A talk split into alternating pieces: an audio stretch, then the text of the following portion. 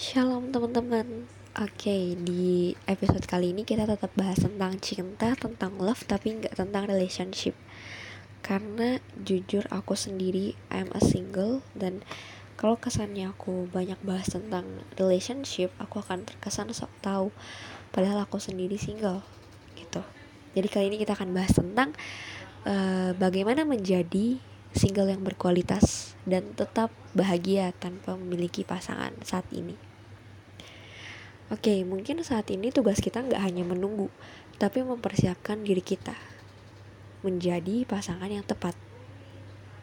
Karena sebelum kita siap mencintai, kita harus bisa menjadi pasangan yang tepat dulu, menjadi jawaban yang tepat. Jangan sampai malah kita yang menjadi batu sandungan bagi orang lain, teman-teman. Uh, aku mau kutip kata-katanya Evangelis Revi Halim kata-katanya ini teman-teman. It's okay to be single but it's not okay to be lonely. Nah di zaman-zaman sekarang ini aku sendiri pernah merasakan bagaimana rasanya lonely dan butuh seseorang yang bisa merilai gitu ya. Yang bisa kita jadikan tempat sandaran. Dan ini nyata. It's real guys. Banyak juga dari teman-teman aku ada beberapa yang curhat ke aku cerita ke aku kalau mereka itu butuh pasangan atau sebenarnya nggak butuh pasangan. Mereka hanya butuh seseorang yang bisa mereka sandari yang bisa mereka uh, manja-manjain yang bisa mereka kasih kasih sayang yang bisa mereka mendapatkan kasih sayang dari mereka. Rasa nyaman rasa aman rasa damai ya. Nah jujur dulu aku juga seperti itu. Makanya waktu aku putus serasa duniaku hancur. Padahal sebenarnya enggak Mungkin itu adalah pertanda bagus, pertanda baik karena Tuhan menjauhkan aku dengan orang yang salah. Dan Tuhan mempersiapkan aku untuk menjadi orang yang tepat, untuk jodoh yang tepat. Tapi hal ini ternyata biasa terjadi loh teman-teman. Dan bukan cuma aku doang yang tadi aku cerita. Kebanyakan biasanya itu karena mereka kurang merasakan kasih sayang dari keluarganya. Sehingga mereka haus, mereka merasa lapar, dan mereka mencari itu dari orang lain karena keluarganya nggak bisa menuhin. Contohnya sekarang berapa banyak orang yang lebih sayang pacarnya daripada orang tuanya sendiri. Lebih rela untuk pergi keluar ngedate sama pacarnya daripada uh, kumpul bareng keluarganya. Berapa banyak orang di zaman sekarang ini yang seperti itu. Itu terjadi karena mereka mengerti, mereka bisa mencintai, tapi mereka belum siap. Bagaimana bisa mereka mencintai seseorang yang nggak 24 jam bersama mereka, yang nggak satu rumah sama mereka, bahkan yang belum tentu jodohmu. Sedangkan mereka nggak bisa mengasihi keluarga mereka, orang tua mereka yang dari lahir udah dikasih makan, udah dirawat. Mau nggak mau, suka nggak suka, kita harus taati firman Tuhan, yaitu hormatilah ayah dan ibumu. Dan itu adalah mutlak. Mau sejauh apa pun kita pergi, ke mana pun kita merantau, itu adalah yang mutlak. Mau kita ditinggalin keluarga kita, ditinggalin orang tua kita, mereka bercerai lalu meninggalkan kita, kita tetap harus menghormati mereka. Itu adalah hukum yang Tuhan kasih sama kita. Dan kita harus nurut. Karena itu adalah representasi dari kasih. Kasihnya Tuhan, teman-teman. Nah tapi mungkin ada yang bilang kayak gini Tapi Sil Gue udah punya trust issues sama keluarga gue Sama orang tua gue Karena mereka jauh uh, Lebih mementingkan pekerjaan mereka daripada kehidupan gue. Mereka gak peduli sama gue. Mereka bercerai dan ninggalin gue. Mereka gak ngurusin gue. Nah oke okay. Gue akan sharing sedikit ya teman-teman Kesaksian gue. Jadi dulu gue pernah pacaran dan kejadian gue ini sama seperti yang mungkin teman-teman alami, yang teman-teman gue alami. Jadi orang tua gue ini pilih kasih. Gue adalah anak pertama, anak cewek pertama dan adik gue dua cowok. Mereka itu dari gue kecil memang pilih kasih karena biasa dalam tradisi kita anak laki-laki itu dimanja dan dijadikan bos. Sedangkan anak perempuan dia harus berusaha keras karena ketika nanti orang tuanya sudah lansia gitu ya udah tua uh, ketika udah nggak bisa ngapa-ngapain dia akan ngikut si cewek. Dan si cowok akan uh, nikah kan nanti ya sama keluarganya. Dan itu biasanya lepas dari orang tuanya. Nah itu adalah tradisi yang sangat tidak adil bagi gue. Itu benar-benar nggak make sense nggak make sense banget. Tapi oke okay lah well tetap menghargai. Karena bagaimanapun itu adalah kepercayaan tradisi orang tua budaya dari dulu dulunya gitu mungkin ya tapi tetap gue nggak setuju dan gue nggak suka. Kalau bisa gue tentang akan gue tentang. Tapi untuk saat ini gue belum punya kuasa dan gue harus tetap mengikutinya aja. Dan itu bagus juga karena ambil positifnya. Positifnya gue bisa belajar untuk kerja sambil kuliah sendiri uh, ngerti tentang beban yang ditanggung orang tua gitu. Punya rasa empati yang lebih daripada adik-adik gue mungkin ya nah di saat itu dulu pernah gue pacaran dan gue benar-benar ngerasa dia ini seseorang yang bisa membuat gue bahagia. Bahkan keluarga gue pun gak bisa membuat gue sebahagia itu di saat gue bersama dia. Bener-bener bahagia banget. Kalau ada konflik besokannya selesai. Dapat dibicarakan secara apa ya kekeluargaan asik kekeluargaan gak tuh iya tapi memang bener gue ngerasa perasaan gue tuh lebih feel enjoy bersama dengan dia. Dulu gue sering waktu kerja waktu dulu kerja bareng sama dia di satu kantor sering pas pulang makan bareng dulu. Quality time dah pokoknya. Weekend juga ketemu yang sampai-sampai orang tua gue kesel karena gue banyak ngabisin waktu di luar. Kan udah kerja tuh dari pagi sampai sore masih makan lagi. Terus kalau weekend juga kita jalan biasanya. Nah itu bikin orang tua gue kesel sama gue dan mereka juga nggak menentang hubungan kami lah kayak gitu. Tapi itu yang gue rasakan sama seperti yang teman-teman rasakan mungkin ya. Bener-bener ketika kita nggak pernah merasakan sesuatu yang dikasih sama orang tua kita. Perasaan feel happy feel lega feel puas itu bisa dipenuhi ketika kita mencari dari orang di luar sana.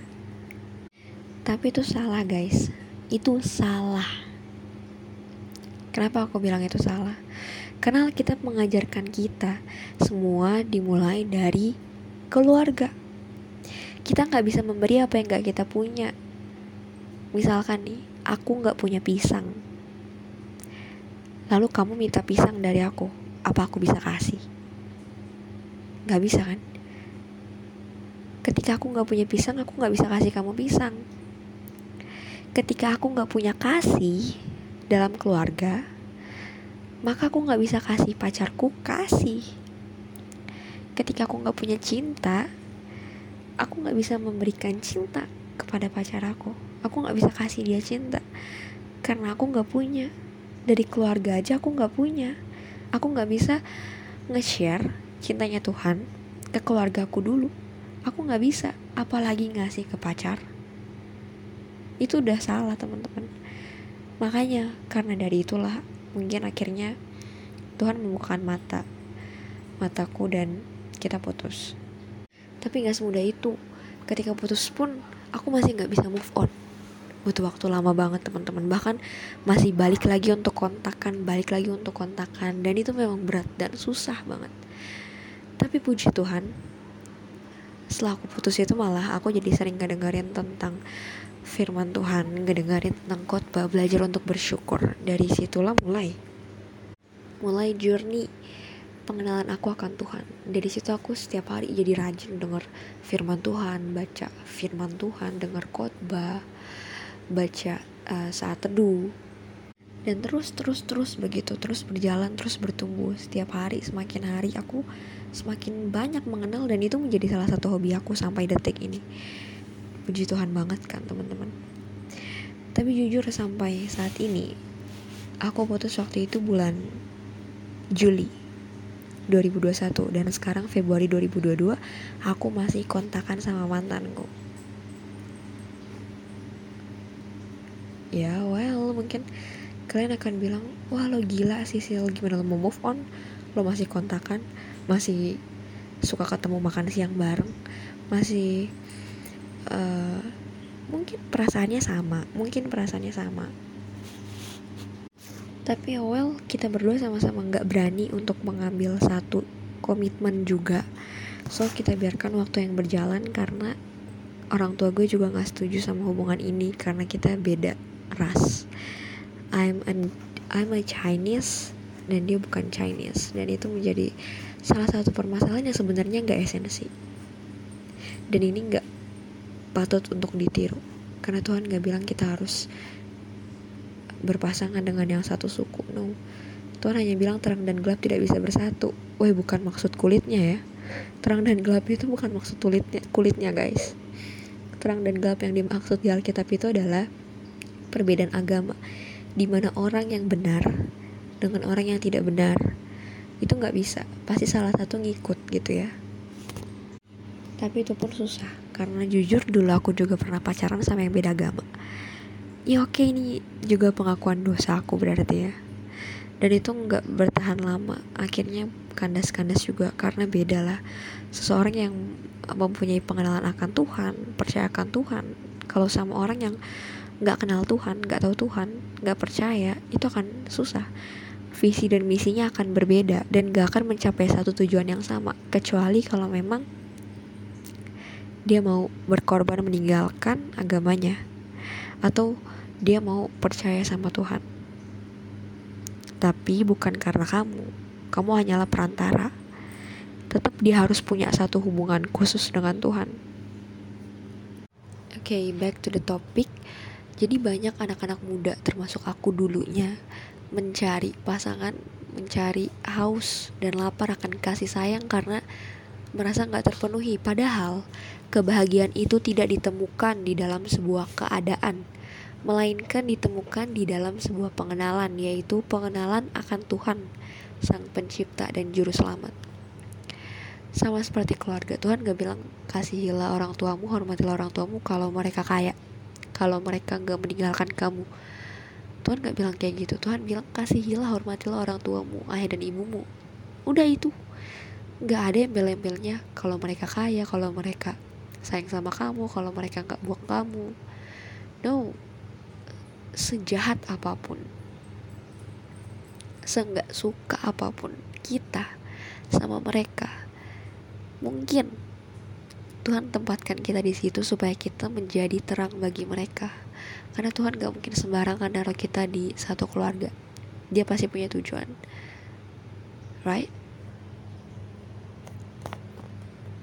So sekarang kita buka Roma 5 ayat 5 Dan pengharapan tidak mengecewakan. Karena kasih Allah dicurahkan Telah dicurahkan di dalam hati kita oleh roh kudus Yang telah dikaruniakan kepada kita. Dan kita mampu mengasihi orang tua kita dulu. Karena apa? Ada roh kudus. Karena Tuhan yang telah lebih dulu mengasihi kita. Itulah alasan kita harus mengasihi mereka. Dan wah ternyata udah 13 menit dan masih banyak sebenarnya pengen aku bahas teman-teman. Ini tentang benar-benar menarik banget. Karena emang banyak banget sekarang kasusnya.